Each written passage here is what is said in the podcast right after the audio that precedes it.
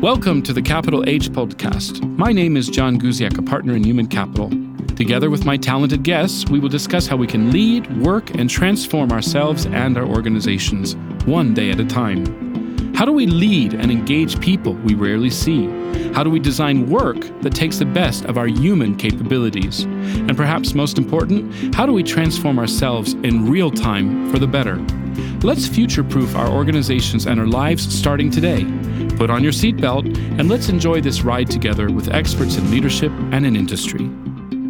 Welcome back, listeners. My name is John Guziak, and I'm at the, the head of human capital at Deloitte. Uh, and today I have the absolute pleasure of uh, introducing you to Joanna Miłachowska, who is the country manager at Siemens Healthcare. Hi, Joanna. Hi, John. Thank you for invitation. It's pleasure to be here. Excellent. Well, Joanna, I'm really looking forward to this conversation today because, you know, key things that we've already kind of started to talk about was culture, the importance of well-being, uh, the employee life cycle and what that means, but also very, very importantly, how in the world to juggle all of these roles. And also, you're a mother, I understand, of, of actually four daughters. Is that right? Yes, that's right. Excellent. Well, Joanna, many of our listeners are students. Um, so I'm really curious if I could to understand before you became a country manager, what exactly did that journey look like? You know, you're, you're just finishing university, um, you just got that wonderful diploma. What in the world uh, were, what were you thinking then, and what were some of the opportunities that you saw? Oh, you know, it was a quite long time ago, I must say. And generally, uh, I studied economy in SGH, which is the economic school in Warsaw. And to be honest, I always wanted to be the math teacher. Math? Yeah, but you know, it's not very uh, well paid professions. Okay. So I decided economy is somehow similar. You will use uh, mathematics skills for uh, finance and counting. So that was why I decided to uh, apply for these high schools. And uh, I have been working for the Siemens Group, I would say, for ages, so mm-hmm. more than 28 years. Wow. Longer than your marriage? No. No. no. no. okay. okay. And uh, I started during the study time, uh, first in the telecom company mm-hmm. in different finance roles. And uh, then in Siemens Spółka uh, I continue in my finance roles, mm-hmm. being finally the head of accounting and mm-hmm. financial director. And at some point of time, I decided, okay, enough is enough. Now let's move to the business. And I became the country controller for healthcare division. And in 2015, after spin-off, I became the CFO of the Siemens Healthineers. And that was also uh, the time when I took the international role of being the controller for one of the business area uh, called Point of Care. Mm-hmm uh, for the region EMEA, which is uh, Europe, Middle East, and Africa. So you have had a huge amount of responsibility, but let's take a step back. Yeah. So not going into math, going into economics. Yes. Yeah. What were some of the, the the the reasons why you decided to go into business, and why did you even choose to go to Siemens? You know, I, I can also ask why did you decide to stay, but let's first ask why did you decide mm-hmm. to choose Siemens? Okay, it's maybe it's it's it's not the typical story, but uh, I was already married. Uh-huh. And we decided to start work during the study time. Okay. Uh, and uh, we started in the same company. Uh-huh, okay. And after three months, we decided we will we need to change the job or we will divorce. and it was just a luck. Uh, my husband uh, decided for the banking uh-huh. path then I decided I will go to business, never meet again in the same professional life. And uh, at that time, telecom was quite popular, and uh, Siemens Telecom company was looking for the people for controlling. And I was German-speaking person, so okay. it was the choice uh, which I did. Let's try with the international uh, company when my German will be the advantage because of the lack of experience. Sure. And if I may ask, was there a reason why you studied German in particular? I didn't study German. I had as a foreign language German. Okay. okay.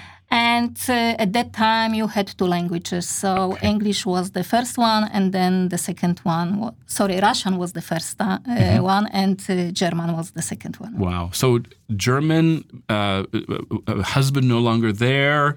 Uh, this sounds like utopia, helping you to move into controlling, if you will, within within within within Siemens. Now, when it comes to some of the challenges that you had as a leader, yeah, um, you mentioned the fact is that um, you were working uh, directly across EMEA. Yeah. Yes. Um, a lot of cultures, a lot of different people. Um, how in the world would you? How did you try to build a culture of so many different nationalities and and um, and and personalities? I must say it was absolutely great experience for me. Uh, already so many different people, so many cultures, so many religions, and it was not so easy at the beginning. Uh, but I had very good partner at the time. I was responsible for finance, and my business partner was the um, Indian lady uh, from South Africa, Muslim lady living in Germany, Wow! and she taught me a lot Like for example, uh, to be very uh, respectful with regard all um, customs and also religion.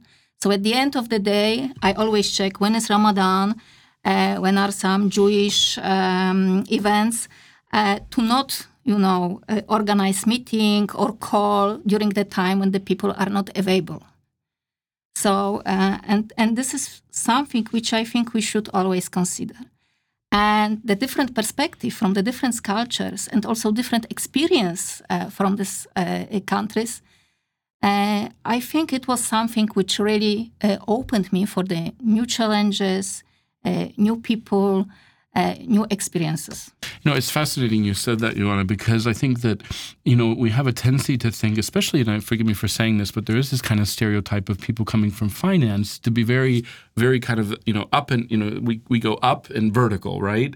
Um, and this recognition that, you know, that you had this chance to be able to take on a more and more uh, role, which was, in, in fact, financial, but it was also more and more about the people. Yeah. Um, what would you recommend to someone who literally just got a job where they are no longer working in a country, but they actually are responsible for a region? Uh, first, learned a lot about the region you are responsible. Uh, so, not only regarding the business Okay. and financial targets, which is, of course, very important, but also about the customs, about the um, circumstances uh, which are uh, existing in different places, um, perspective, uh, which could be different in each and every country, and also be very open and very respectful uh, to, to, to, to everyone.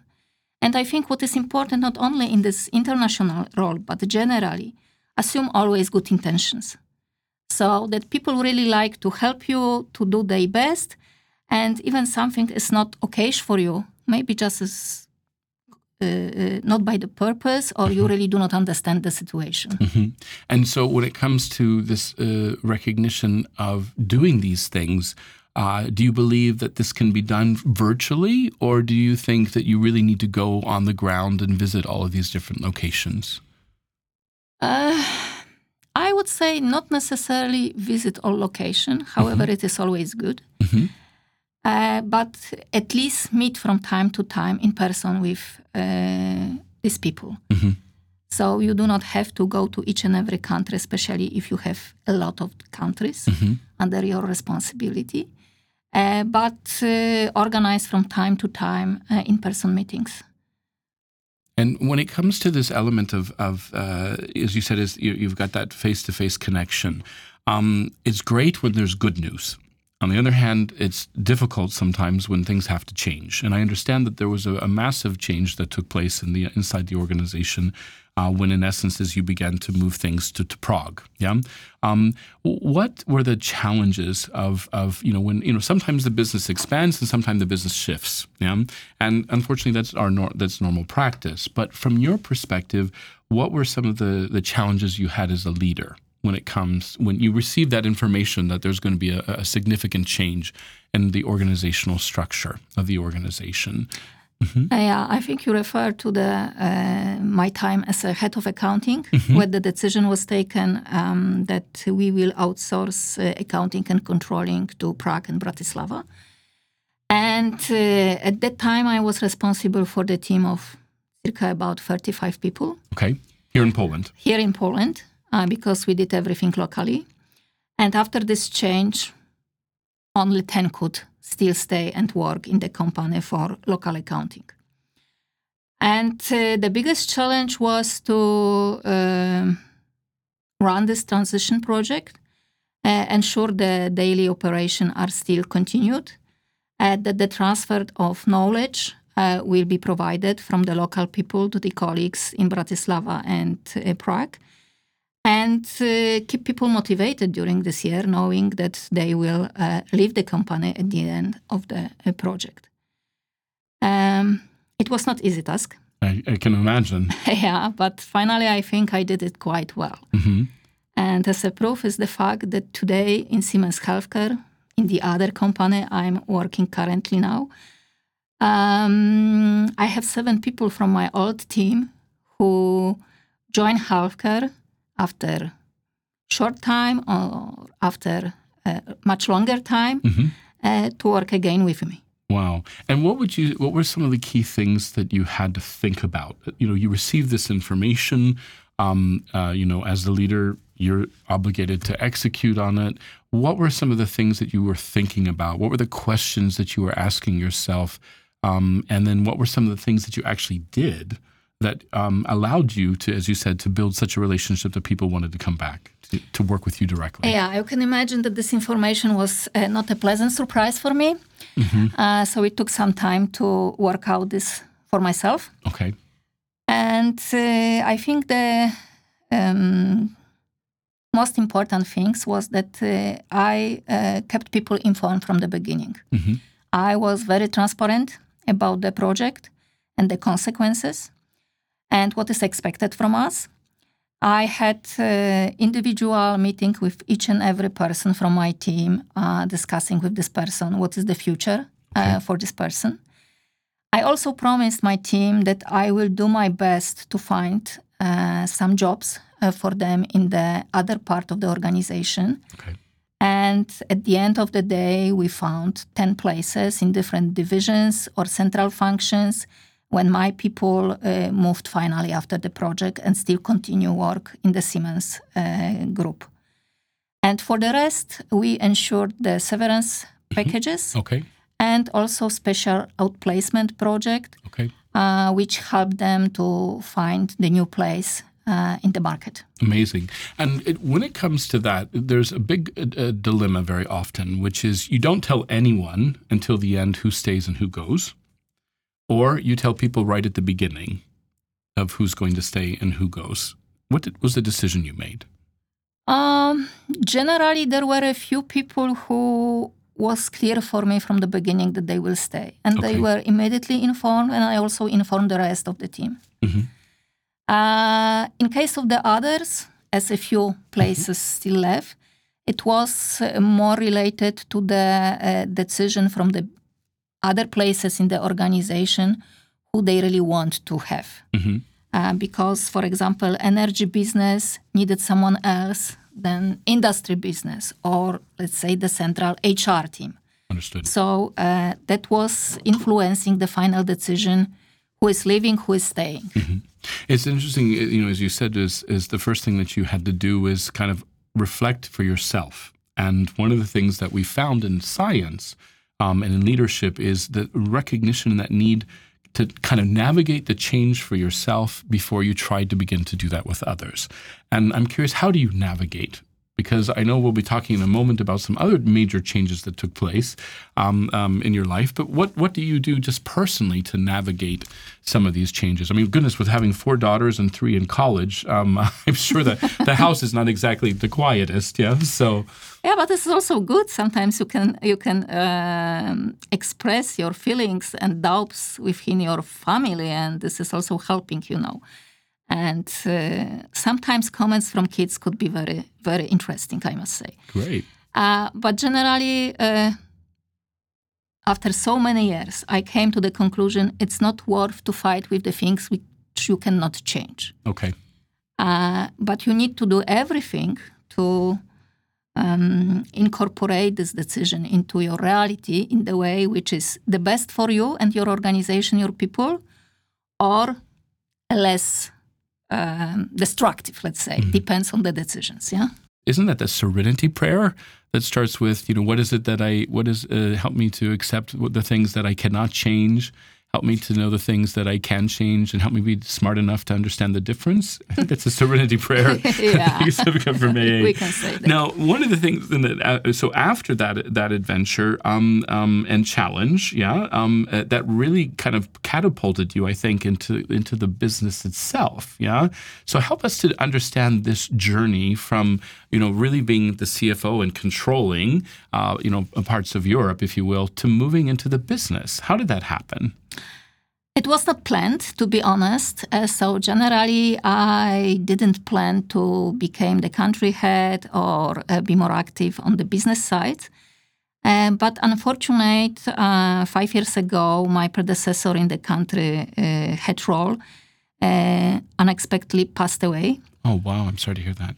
And so it was not choice. to be honest, I was put in this situation uh, and uh, I just took the responsibility and started uh, dealing as a, a country head uh, to continue the business, uh, to continue operations, to keep uh, my team safe and motivated.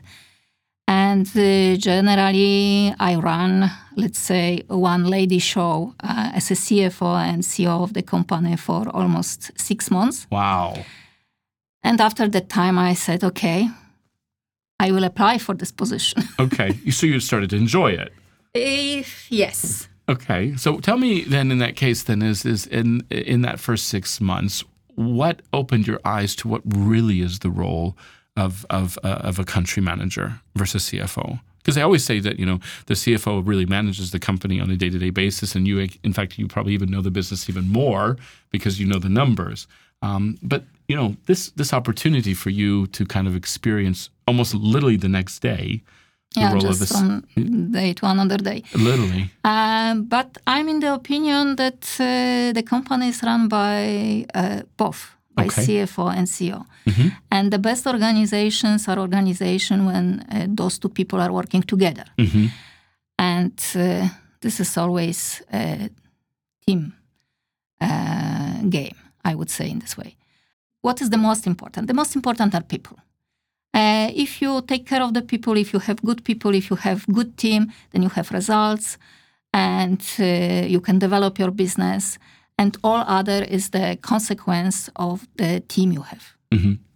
And so, so from your perspective, the role of the CEO is to make sure that that that the people are are working together. That there's uh, is is that the role of the CFO as well? So, what really is the difference between the two? Um, the first uh, difference is that uh, as a CFO, you generally focus mostly on the internal stuff. Okay. Uh, there are very limited interaction with the external world. Yes. Mm-hmm. In case of the CEO, it's the opposite. You are mostly dealing with the external world, but you do not um, can uh, forget about internal stuff, uh, which is of course uh, the company culture, uh, people you have, uh, avoidance of the silos within the co- mm-hmm. company, mm-hmm. Uh, keeping everyone together. So what we are really doing with my, my financial partner mm-hmm. nowadays. Mm-hmm we are running the company together and we are trying to avoid the situation that there is a finance world and there is a business world. So we are one team. So really, that recognition that uh, finance and business can work together, that Absolutely. there needs to be that alignment, if you will. And what do you think are the the questions that a CFO let's say, for example, a CFO, eh, you know, who's listening today um, is struggling to build a relationship with the CEO. What advice would you give them? Talk talk to each other, listen to each other. Uh, the critical thing is for the finance people to understand the business because without understanding it's difficult to support. Mm-hmm. And for the uh, country head or CEO, I recommend listen to your finance guy. It's usually a very smart person and could help you understand the consequences of your uh, business movements. And and so, how often do- are you meeting with your CFO? Uh, we are talking every day. Every day. Okay. Okay. So really, it is a, it is a, a consistent everyday uh, type of activity. But it's Yes. interesting because you do find that organizations, you know, you have a country manager who is coming in from another country. Uh, the CFO is here, you know, and they have to build again a connection, a relationship. One thing that struck me about Siemens always was this kind of four eye principle, this recognition that the CFO and the CEO need to come together to be able to make decisions. That was something I always I always saw that was quite quite unique about about the organization. Well, you mentioned, um, you know, if I rem- if I remember correctly, um, you were sharing that basically this transition um, uh, for you moving into the country manager role took place before the pandemic or during. And before, in 2018. Exactly. So in that case, then you've been able to now experience your team through that pandemic as a CEO. Looking back now, um, um, how in the world did you build that culture, even in the situation that we actually were in, where people were no longer necessarily in the offices? Oh, I think it was a very difficult time for all of us, especially that we are working in the healthcare business. So our people uh, had daily interaction with the healthcare. So the places which were mostly affected with the COVID pandemic, yes, and we cannot, uh, we couldn't not say to our customers we will not repair equipment because we are afraid of COVID, yes.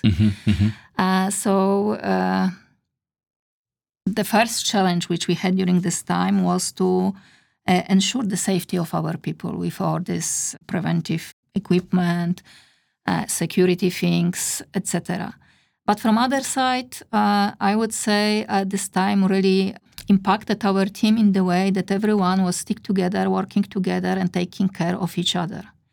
And one of the example is we introduce weekly calls uh, with the board members. Uh, with all our employees to keep our people uh, informed and updated. What we are go- uh, what we are doing, uh, what are the new procedures uh, which could uh, improve the safety of our people. We really were in uh, permanent contact with all our team, uh, which I think uh, makes them uh, much more comfortable. Uh, and I think, you know, in, in, in many cases, that was also some fear, not only uh, about the health, but also that the company will stop uh, activities, or maybe there will be the um, crisis in the numbers. Uh, you remember the time when the restaurants close, shops close, etc., and the people lose the job. Sure. Uh, so Thousands of them. yeah, so we really uh, try to ensure people that uh, this is not our case. We will continue our activities. They, they, they should not be afraid of the future with regard to the economical point of view. Uh, and when pandemia finished, uh, we continued with these weekly calls. We Oh. transformed them as our Q&A session with management board. Okay. And for 340 people which I have in the organization, more or less uh, 180, 200, 220 participated every week in Wow. these calls. Wow. So that tradition that started in COVID is now a real firm uh, foundation in your culture. Yes, and this is the continuous and open communication with our team. And that was also the beginning of uh, many initiatives which we did together. Uh, so uh, we are organizing quite regular uh, webinars Uh-huh. uh, in different areas. So, for example, there are quarterly webinars with the interesting people about different topics about the space, about genetics, about uh, some uh, sport activities. Uh, but also, we put a lot of effort in the education. Uh, we are organizing webinars for our employees with healthcare professionals about well-being, taking care of yourself, some kind of diseases, importance of prevention, many many different topics. I'm I'm really uh, um, admiring you right now, um, and I'll tell you why. First of all, is I when it comes to COVID, I think we always talked about the heroes of COVID were the doctors and the nurses that, in essence, were really working, you know, 24 hours a day. And I never would have thought of of basically the medical devices and the maintenance of these things, uh, you know, these equipment, which were also absolutely required, and also people were risking their lives. So Yes. really, the the heroes.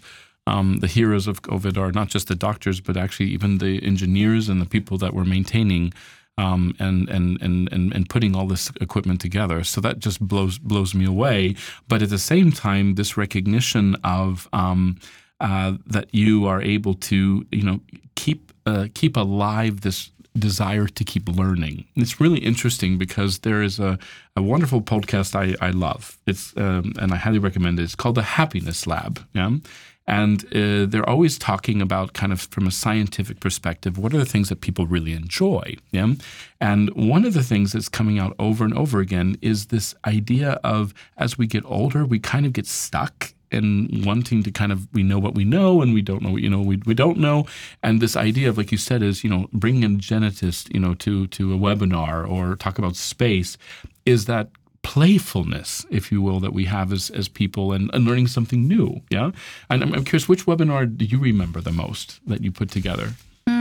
I really uh, like this webinar about space uh, with Art Chmielewski, who is working for NASA nowadays. Uh, but I also think uh, we had a few very uh, interesting webinars, for example, with the captain of the football players who uh, do not have legs, one leg or, or, or two legs. And it was very, very touching webinar, I must say, and, and showing total different perspective. Uh, so I really remember this one. wow. and what is it you remember in particular Uh, that you always could find something good in your life and you could uh, transform uh, the difficulties you have in your life in something good and enjoy your life and also uh, help other people to find their way. So I, I, I really liked it. amazing Uh, inspirational Yeah, it was really inspirational uh, Well- webinar. Well, um, if we go to um, discuss, you know, we talked about you, you know a couple of major transformations that took place. First, you um, moving into finance into business, then you moving from CFO to CEO. Um, um, uh, but now, as you know, being responsible um, for uh, for the business itself. One of the big things that's going on right now is this massive transformation and dig- digitalization, and um, and this kind of recognition that you know we need to become more digital. Um, and then the question is, what does it mean? Yeah. Um, what are you What do you see right now are the biggest um, opportunities or challenges when it comes to these business transformations, and what are you trying to avoid? Uh, you know, in healthcare businesses, especially, we observe in the past few decades an incredible uh, transformation in the way we receive and we deliver the medical care. And this was done thanks the digital transformation. hmm And uh, I think we cannot stop this, and we should not be afraid of this. hmm Um, but the tricky point is how we will do this. So we cannot forget about ethical aspects. hmm We cannot uh, forget about uh, how these data are sensitive. So the cybersecurity is very important. The privacy of data, of the patient data, is very important. And uh, but at the end of the day, this is um, something which is bringing uh, help to the people. Uh, without this development, uh, the treatment, the medical treatment, will be not so good as is today, especially in the field of the uh, diagnosis and uh, early detection of some diseases. So, uh, and as I mentioned, this is not just starting from today. hmm It's present in healthcare uh, business uh, since many years. Mhm. Uh, but uh, currently, artificial intelligence could be the game changer. Okay. And, how, And- and how so? For sure, it will not replace the physicians, the radiologists, or the doctors, uh, but it could be uh, like assistant to them, addressing um, the routine work which uh, has not to be done anymore by the doctor or radiologist. It could be done by artificial intelligence, like segmentation, like comparison to the reference values, etc., etc. Um, this artificial intelligence is also pointing the um, areas of abnormalities, Mm-hmm. and this is limiting the number of human errors, which at the end of the day resulted in the better, uh, higher quality uh, description of the scans, and at the end of the day, better diagnosis and more precise treatment for the patient. So much more, mu- much uh, clearer, much more focused, and much more truthful. Yes, and there is also other aspect because artificial intelligence and all these digital uh, techniques are also improving the um, flow within the um, scanning room, let's say. Uh, so it's much more comfortable for the patient, and also it takes uh, less time than before. And with all these technologies, we could we can also increase the patient experience uh, to the better level. And so, can you give me an example? It's um, right now it's 223, so it's thir- 10 years from now. How and I have been di- or I, I've been asked, for example, to for go going for a diagnosis. How is that going to look different? I don't know. If I know what will be in 10 years, I will be not sitting here. I will be relaxing on Hawaii. Uh, but I think uh, a lot of things will be much more um, automized. Okay. I can imagine the hospital without reception, that everything you do with QR code, scanning, etc. The uh, people will be uh, more focused on the discussion, on support to the patient, not really taking care of many administrative works, etc. But for that, of course, we need integrated IT landscape, which is uh, which will offer um, access to all patient data in one place in very user-friendly way. Uh, then it will be much more time for the patient, for the discussion, for the explanation of the treatment. Uh, but we will not avoid diseases in the future. Uh, you know, this is something which will be still continued. And, We are but mortal. yes, but I believe that the development in medical uh, healthcare and technologies and systems will result in the shift that many very dangerous diseases nowadays will be treated as some kind of normal diseases, which will be treated as flu, for example, today. Yes. Let's hope let's this hope. will go in this direction. And all technologies should help in that for early detection, better um, diagnosis, uh, more precise medicine and treatment to each and every patient. So really, what I'm hearing is is the administrative burden will be replaced um, by technology, and that the true care of the of the, the patient will be really more and more central. And it's my wish that we could avoid in the future the all administration and bureaucracy in the healthcare system and what- really focus only on health. and what concerns you? Uh, what concerns me, it's the fact that there is still some kind of risk and improper usage on all these uh, new technologies. But yeah, this is the part of the development. Uh, so we need to really be careful with all ethical aspects and proper use of these technologies.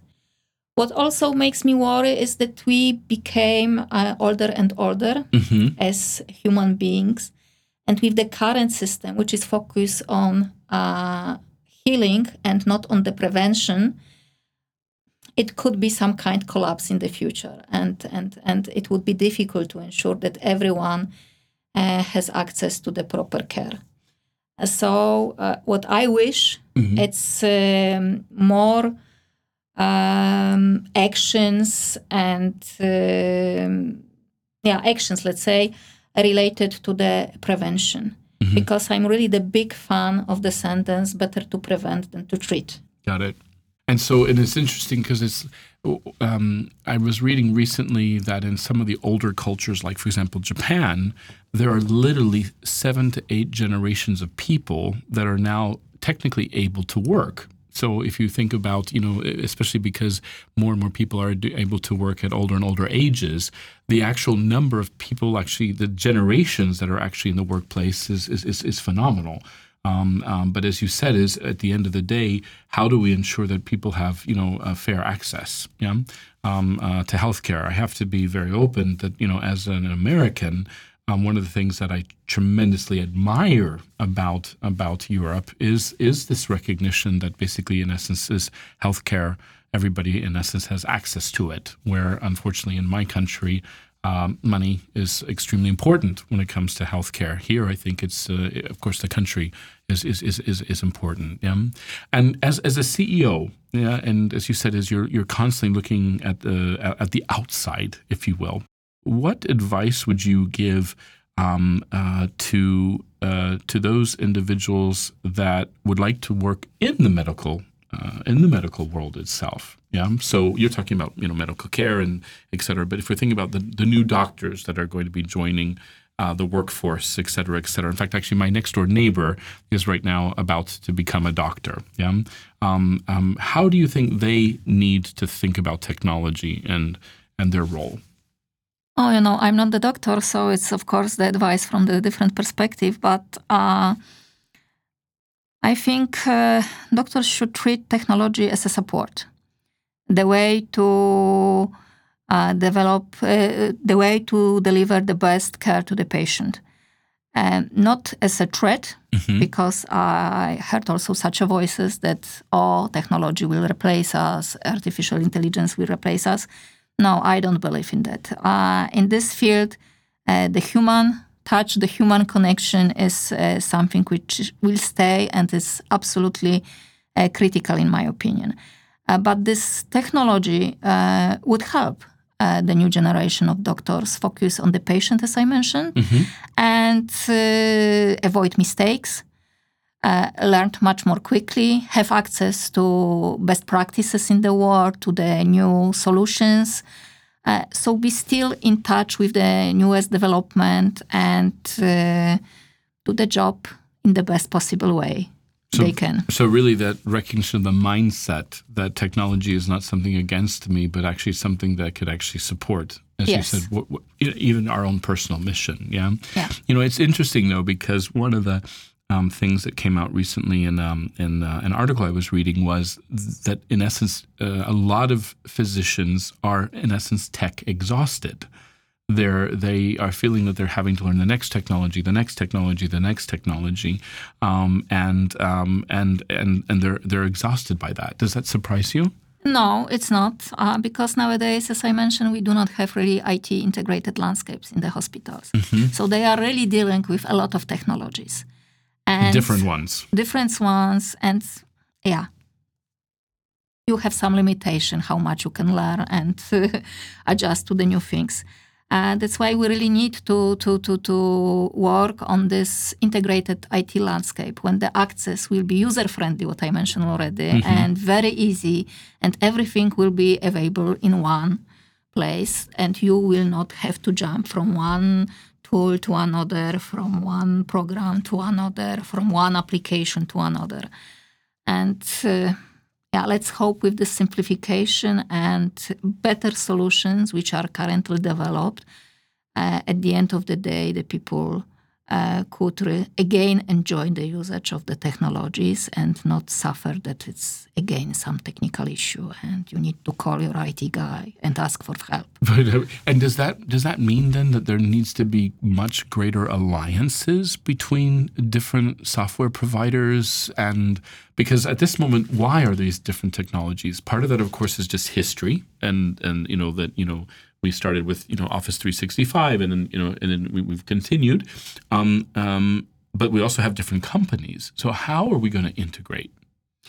I think this is um, historically because uh, in the last 20, 30 years in Polish hospitals, a lot of the new equipment was installed, new solutions, new tools, but from different sources, as you mentioned. Mm-hmm. And uh, now we have uh, different words mm-hmm. working under one umbrella and not always uh, very well. And uh, currently, uh, the majority of the healthcare technical companies and service providers Mm, they have solutions which are uh, compatible with others and also open, not limited only to your own equipment.